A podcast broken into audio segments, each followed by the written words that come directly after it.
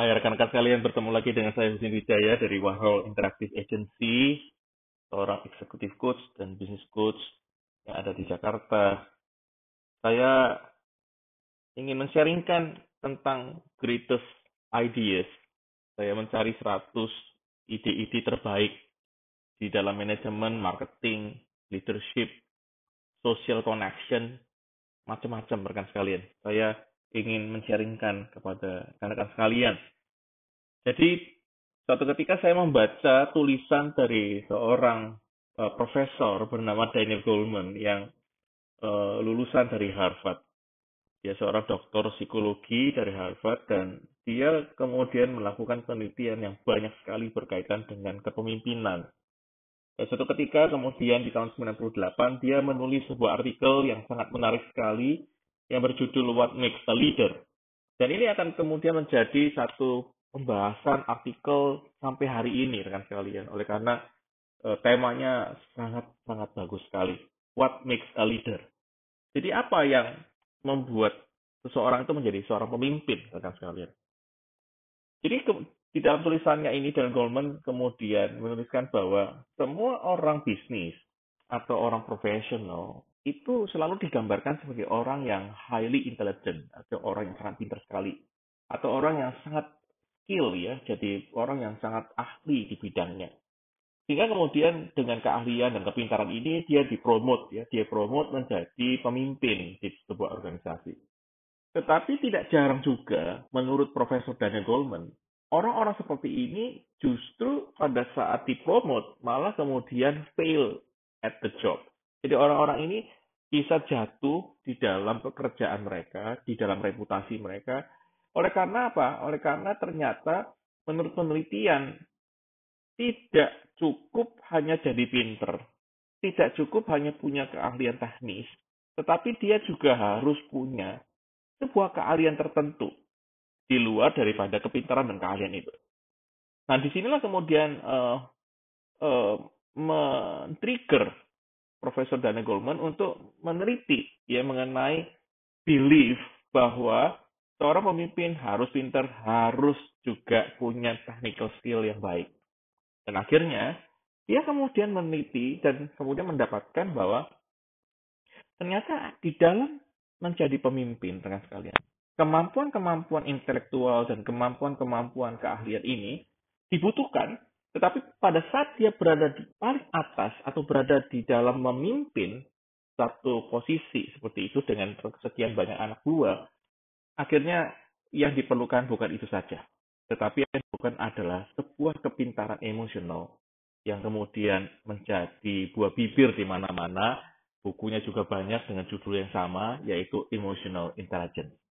Jadi rekan-rekan sekalian, Menurut Dana Goleman, emotional intelligence itu adalah semacam threshold capabilities atau kemampuan dasar yang harus dimiliki oleh seorang pemimpin. Maka tidak heran kemudian, menurut World Economic Forum Davos, di dalam penelitian-penelitian terbaru berkaitan dengan industri 4.0, nanti industri 5.0, ditemukan bahwa kemampuan-kemampuan soft skill itu sekarang menjadi kemampuan hard skill. Artinya, kemampuan-kemampuan yang tadinya cuma pinter, cuma bicara IQ, bicara tentang keahlian, itu tidak cukup lagi.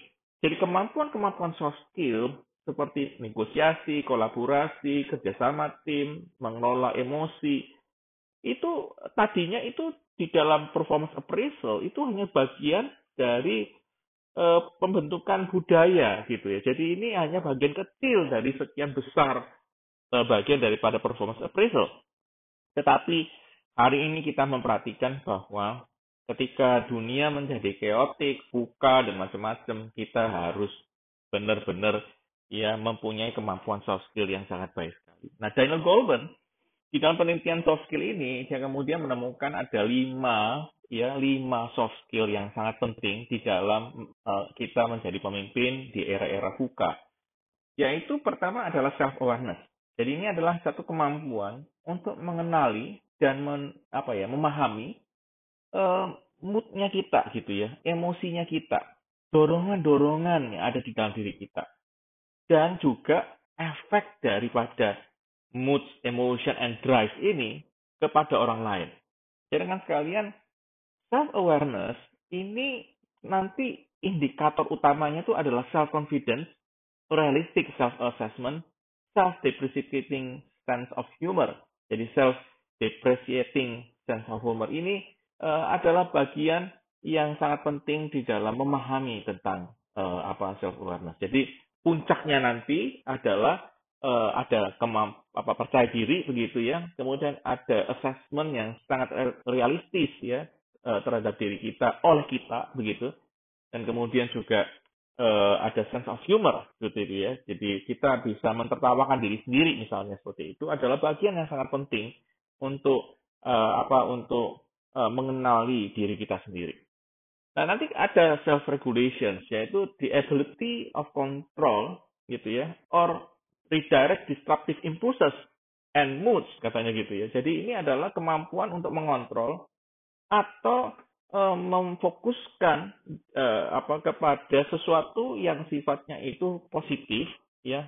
Uh, alih-alih kita bicara mengenai kemampuan emosi yang mendisrupsi ya gitu ya. Jadi bentuknya impulsif mood begitu.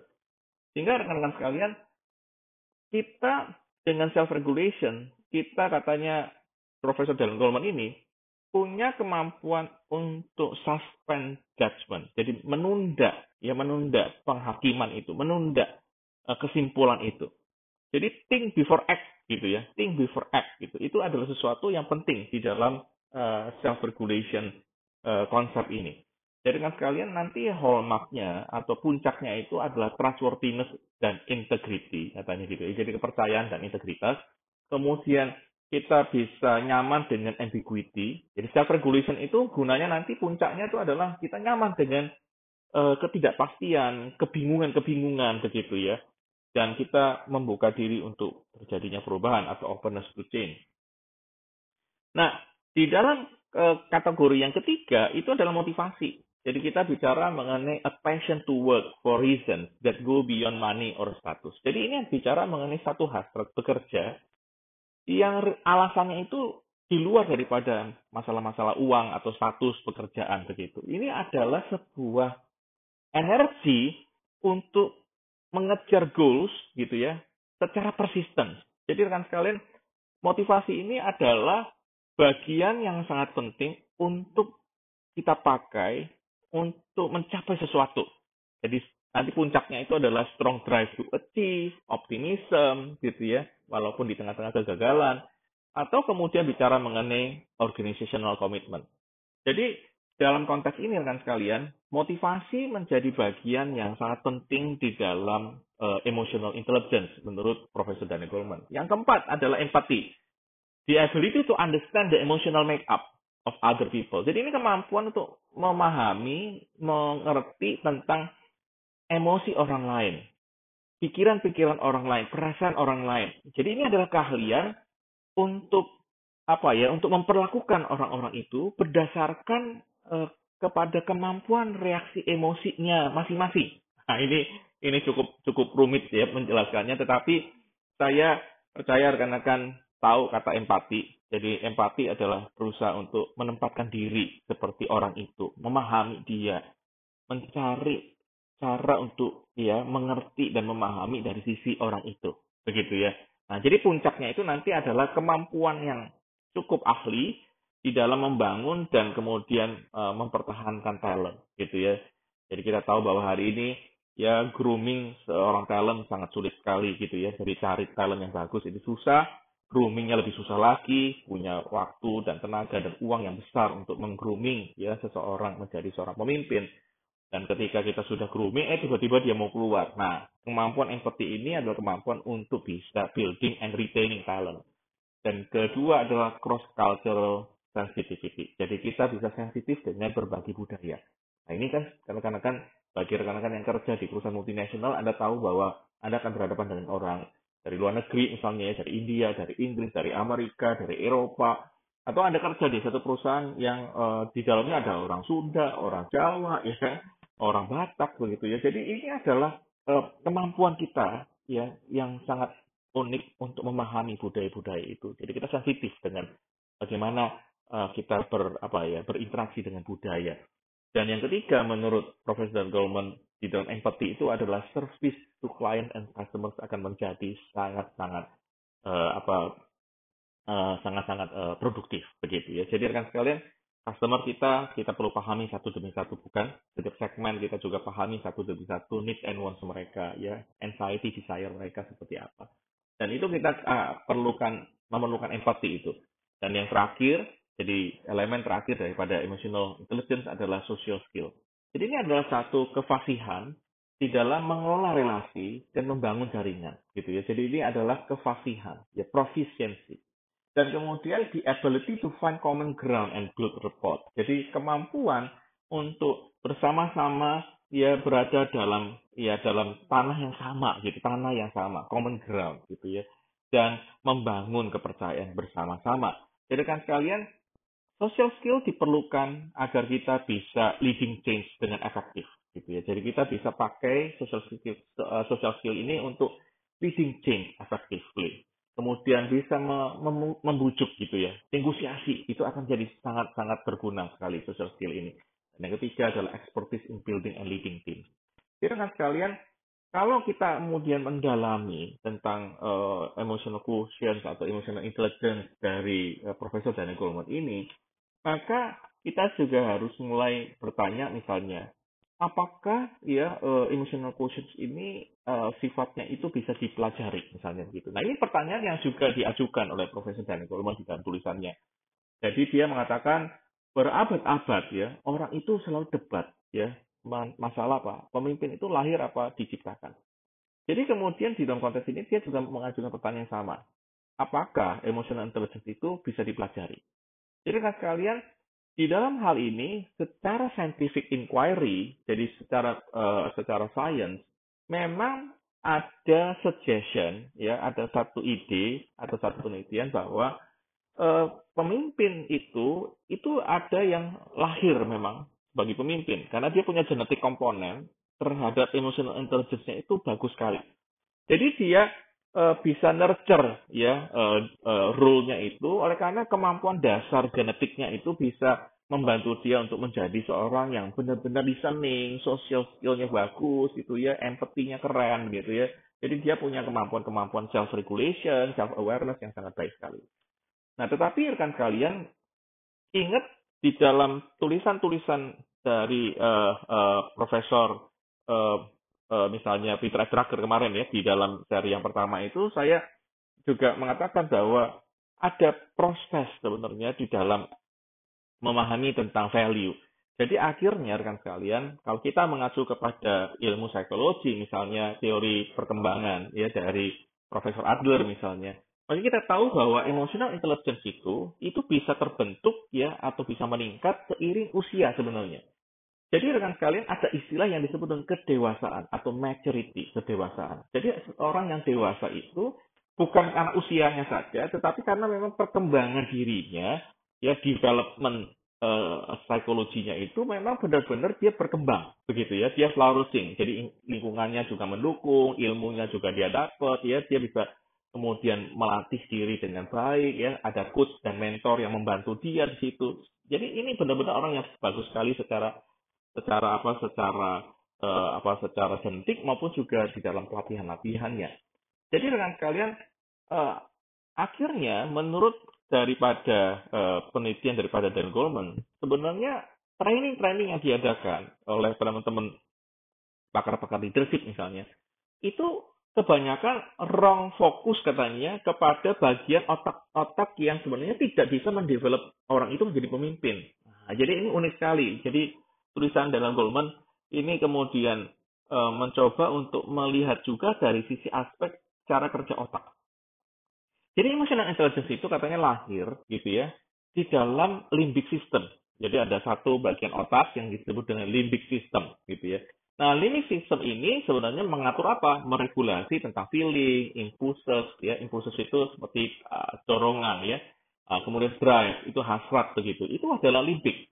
Nah, research ya mengindikasikan bahwa uh, di dalam kita belajar mengenai motivasi gitu ya praktek-praktek yang bersifat emosional feedback seperti itu itu datangnya itu prosesnya itu di limbic system nah tetapi training-training yang ada sekarang itu selalu sebenarnya bicara ya kan me, apa me, mengedukasi justru bukan limbic system tapi neocortex katanya gitu. Jadi neocortex ini adalah bagian otak yang kemudian meregulasi tentang analytical thinking, technical ability. Nah ini kalau kita selalu bilang uh, otak kiri gitu ya. Nah ini neocortex ada di otak kiri, sedangkan limbic system ada di otak kanan.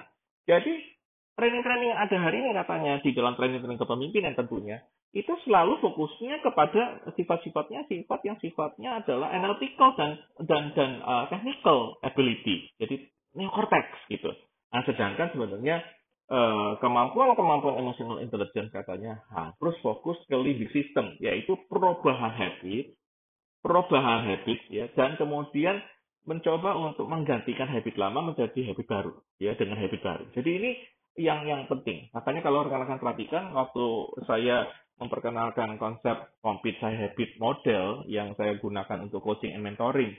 Kalau rekan-rekan lihat di Instagram saya gitu ya. Saya berargumentasi bahwa e, kalau Anda ingin menjadi pemimpin, Anda harus punya tiga hal, yaitu satu kompetensi tentunya berkaitan dengan technical skill, e, IQ, kepencaran dan macam-macam. Tetapi tidak cukup. Anda harus punya mentalnya juga, ya mentalnya juga. Anda harus siap dengan mental psikologimu. Jadi mental readiness-nya harus bagus.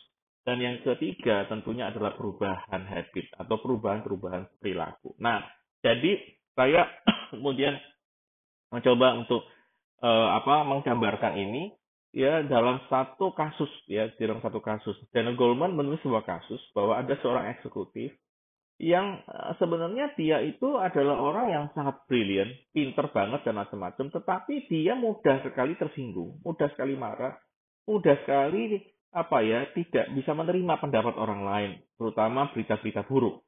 Makanya kemudian anak-anak buahnya eh, itu kalau ada berita buruk tidak mau serta merta kasih tahu bosnya ini karena kenapa karena tahu pasti akan terjadi gempa bumi kira-kira gitu jadi ada ada badai di situ sehingga rekan-rekan sekalian, ini menyebabkan apa? Menyebabkan terjadinya uh, miscommunication di mana-mana. Jadi komunikasi yang salah di mana-mana sehingga menyebabkan kacau balau. Nah, sehingga satu ketika uh, teman-teman di komisaris itu kemudian kasih tahu eksekutif ini bahwa kamu itu kayaknya uh, perlu seorang coach ya untuk membantu kamu untuk melihat ya uh, apa melihat daripada uh, emosionalnya kamu itu ya respons daripada emosional kamu itu di dalam uh, berkomunikasi ya dengan dengan rekan-rekan di dalam perusahaan itu. Dan akhirnya dia mulai menyadari bahwa benar sekali bahwa dia sebenarnya juga kurang empati gitu ya. Dia orangnya pinter brilian tapi dia kurang empati gitu ya kurang empati. Makanya kemudian dia menunjuk seorang coach dan coach ini kemudian menemani dia ya di dalam proses ya mengenali diri sendiri itu sehingga komponen pertama yang yang apa yang dilakukan oleh coach ini ya dari dalam tulisan dari Goldman ini adalah apa? Adalah mencoba untuk meningkatkan self awareness daripada sang eksekutif ini. Jadi self awareness ini menjadi sangat penting karena ini adalah deep understanding ya. Jadi ini adalah pengenalan yang dalam sekali terhadap emosi, kekuatan, kelemahan, kebutuhan dan hasrat atau dorongan dari orang tersebut. Jadi orang yang mengerti tentang dirinya sendiri adalah orang yang bisa mengenali juga perasaan-perasaannya, dampak daripada e, ketika perasaan itu dia munculkan kepada orang lain, dan juga kepada job performance, jadi kepada produktivitas. Jadi orang yang punya kemampuan mengenal diri sendiri adalah orang yang mampu bekerja sama dengan orang yang paling demanding sekalipun. Jadi orang yang paling nuntut sekalipun kita tahu bahwa hari ini banyak bos kita atau atasan kita yang tertekan oleh situasi sehingga menuntutnya luar biasa. Menuntut kita itu superior, menuntut kita itu perfect gitu. Nah, dengan sekalian kalau Anda punya kemampuan self awareness ini, menurut Profesor Dana Goleman, Anda bisa mengerti moods ya daripada lawan bicara Anda itu, eh, atasanmu itu atau rekan kerjamu itu dan Anda somehow bisa punya deeper reason.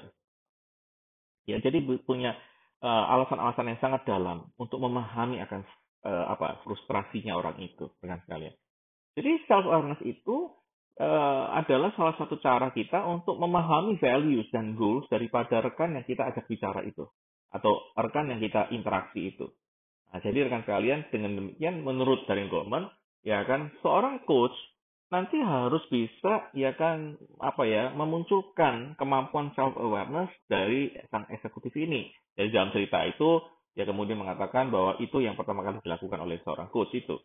Nah, tetapi kemudian caranya bagaimana? Nah, caranya adalah kemudian tahun 2016 Profesor Daniel Goleman kemudian merevise tulisan artikel ini dan kemudian menambahkan sebuah artikel pendek dari Susan David. Ini Profesor Susan David ini kemudian menulis uh, sebuah tulisan berjudul Three Ways to Better Understand Your Emotion.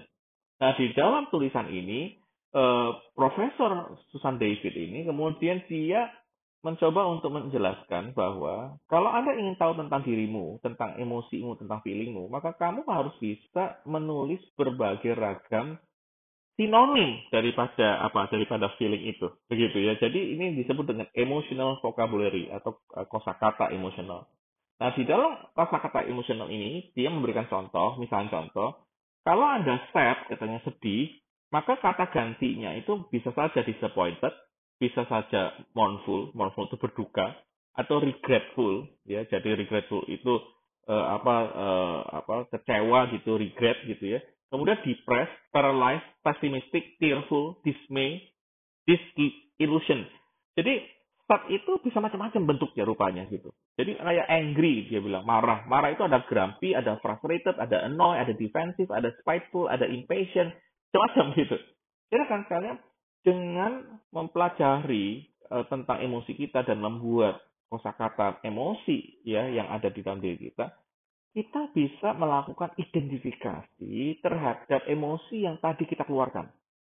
Jadi rekan sekalian, dengan memahami tentang uh, emosi itu, menurut Profesor Susan David, maka kamu bisa ya me, apa ya meregulitnya.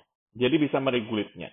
Jadi self knowledge ini rekan sekalian, itu bisa dipakai untuk apa? Untuk nanti bisa meningkatkan self confidence kita di dalam mengatasi permasalahan emosi itu. Nah gitu ya. Jadi uh, puncak ya daripada self awareness adalah tadi ya ada self confidence dan uh, di dalam itu juga kemudian uh, uh, Daniel Goleman kemudian juga mengatakan bahwa uh, kamu nanti bisa secara realistik ya setiap saat itu mengelola emosimu dengan melakukan self assessment terhadap apa yang kita sebut dengan emotional vocabulary itu atau kosakata uh, emosional yang ada di dalam diri kita itu. Nah, sehingga dengan demikian nanti suatu ketika kalau Anda kemudian merasa diri kayaknya kok aku berulang kali jatuh di dalam masalah emosi ini, Anda bisa mencari tahu bagaimana cara mengatasinya, tentunya dengan seorang coach atau seorang psikolog barangkali gitu ya, untuk membantu kamu untuk mengatasi itu. Ya, kalaupun nanti Anda buat satu dua kali salah setelah Anda dapat banyak masukan, nah, Anda bisa kemudian secara humor mengatakan, well, saya lagi belajar, begitu ya, saya lagi belajar. Jadi kan sekalian, uh, humor akan sangat membantu nanti untuk apa untuk uh, untuk uh, mengetahui tentang kelemahan kita bukan? Jadi dengan sekalian kita harus menyadari bahwa kita lemah dan kita perlu belajar. Nah itu coach yang yang tadi itu ya pertama kali dia ngajari bagaimana self awareness itu bagaimana membangkitkan itu dan bagaimana me, uh, melakukan assessment terhadap diri sendiri termasuk emosi tadi sehingga memunculkan kamus uh, kamus emosi dan kemudian yang kedua setelah itu baru self regulation. Jadi bagaimana kita meregulate itu? Gitu ya. Jadi menurut Profesor Goldman, kalau orang itu memiliki atau pemimpin itu memiliki kemampuan self regulation yang baik, maka dia bisa memilih different approach ketimbang cuma marah-marah begitu. Jadi pilihannya banyak. Jadi kalau tidak punya kemampuan self regulation atau meregulasi emosi, maka yang anda respon adalah dengan dengan dengan marah gitu ya dengan dengan grumpy dengan apa dengan angry gitu ya. Tetapi sebenarnya kalau anda punya self regulation yang baik anda bisa memilih untuk tidak marah barangkali bisa dengan sabar ya uh, menegur tim anda yang uh, performance-nya buruk seperti itu tanpa marah-marah sekalian. Kenapa karena Anda sudah tahu bahwa kejadian-kejadian itu sebenarnya mungkin adalah fenomenal. Kita perlu cari akar permasalahan. Maka Anda ketimbang kemudian ya merespon fenomenal itu dengan marah-marah, Anda pilih untuk melakukan satu kegiatan untuk mencari akar masalah misalnya seperti itu.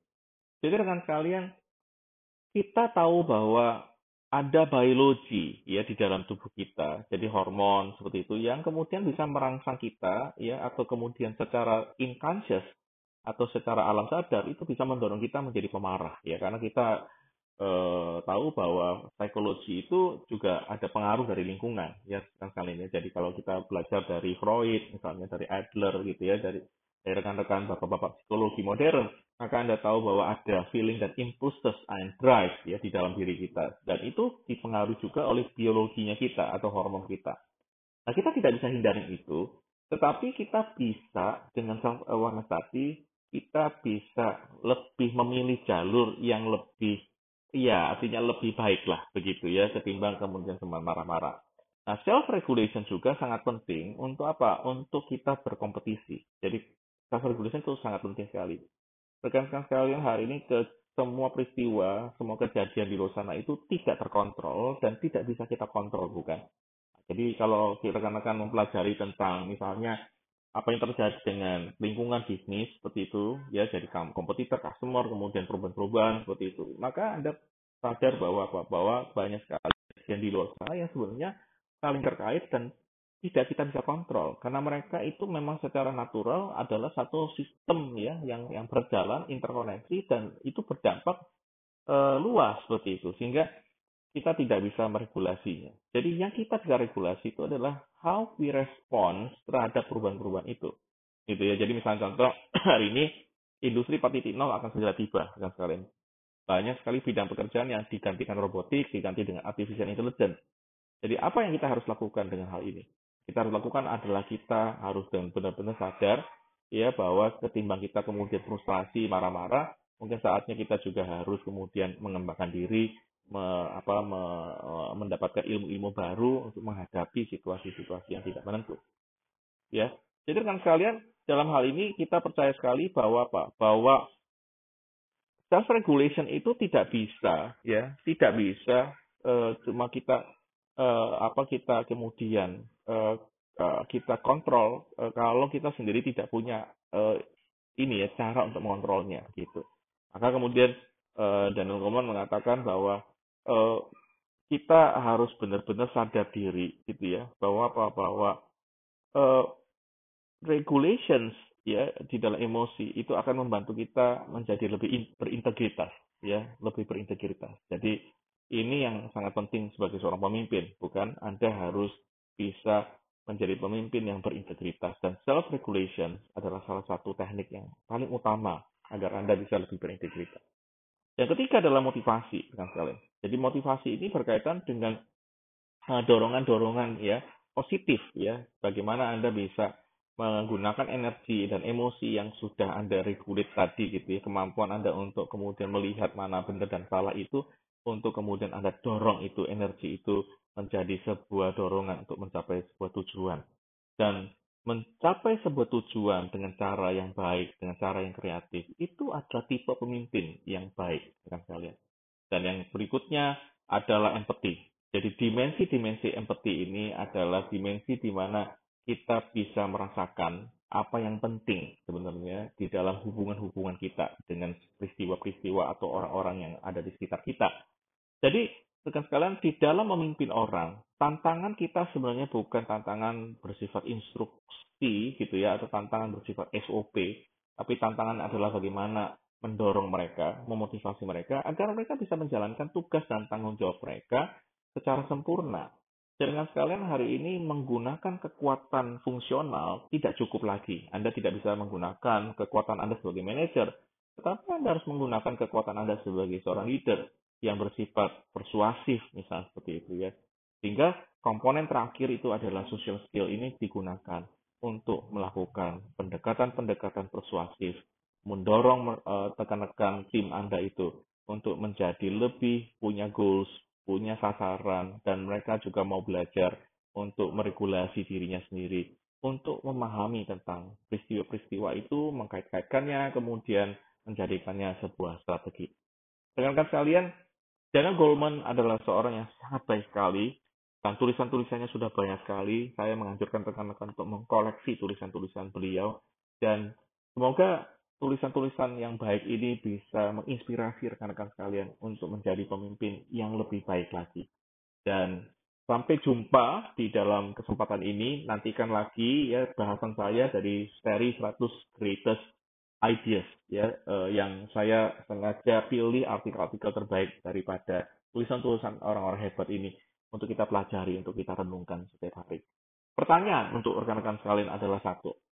Apakah Anda sudah punya kemampuan self-awareness ya di dalam memahami diri sendiri, memahami emosi?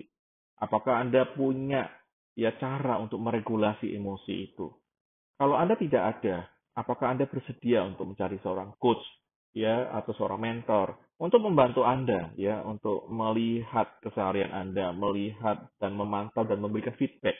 Ingat tulisan daripada Profesor Peter Drucker kemarin, saya mengatakan bahwa ketika dia bicara mengenai uh, uh, tentang diri kita begitu ya, maka dia selalu mengatakan bahwa the best performance adalah melakukan feedback analysis. Jadi melakukan analisa feedback. Nah, ini adalah satu hal yang sangat penting sekali untuk rekan-rekan semua. Jadi, sudahkah Anda punya kemampuan untuk memahami diri sendiri, meregulasi emosi, dan kemudian punya motivasi yang kuat, energi yang kuat untuk merubah sesuatu, untuk mencapai goals tertentu. Dan tentunya uh, dibekali dengan satu empati yang baik sehingga Anda bisa leading ya tim Anda menjadi pemimpin uh, atau tim yang sangat sangat baik sekali dan terakhir adalah uh, kemampuan social skill ya di dalam bagaimana merangkul ya banyak orang ini untuk mencapai tujuan bersama. Dan sekalian demikian dari saya rekan sekalian maka uh, kita akan akhiri kalau kita bisa bertemu kembali saya bisa dihubungi di Instagram dengan alamat @husinw h u s i n w kalau kita bisa berbincang-bincang di sana. Terima kasih rekan sekalian sampai jumpa di acara dan uh, tema berikutnya. Salam sejahtera dari saya Husin Wijaya business coach, executive coach dari Warhol Interactive Agency. Bye-bye.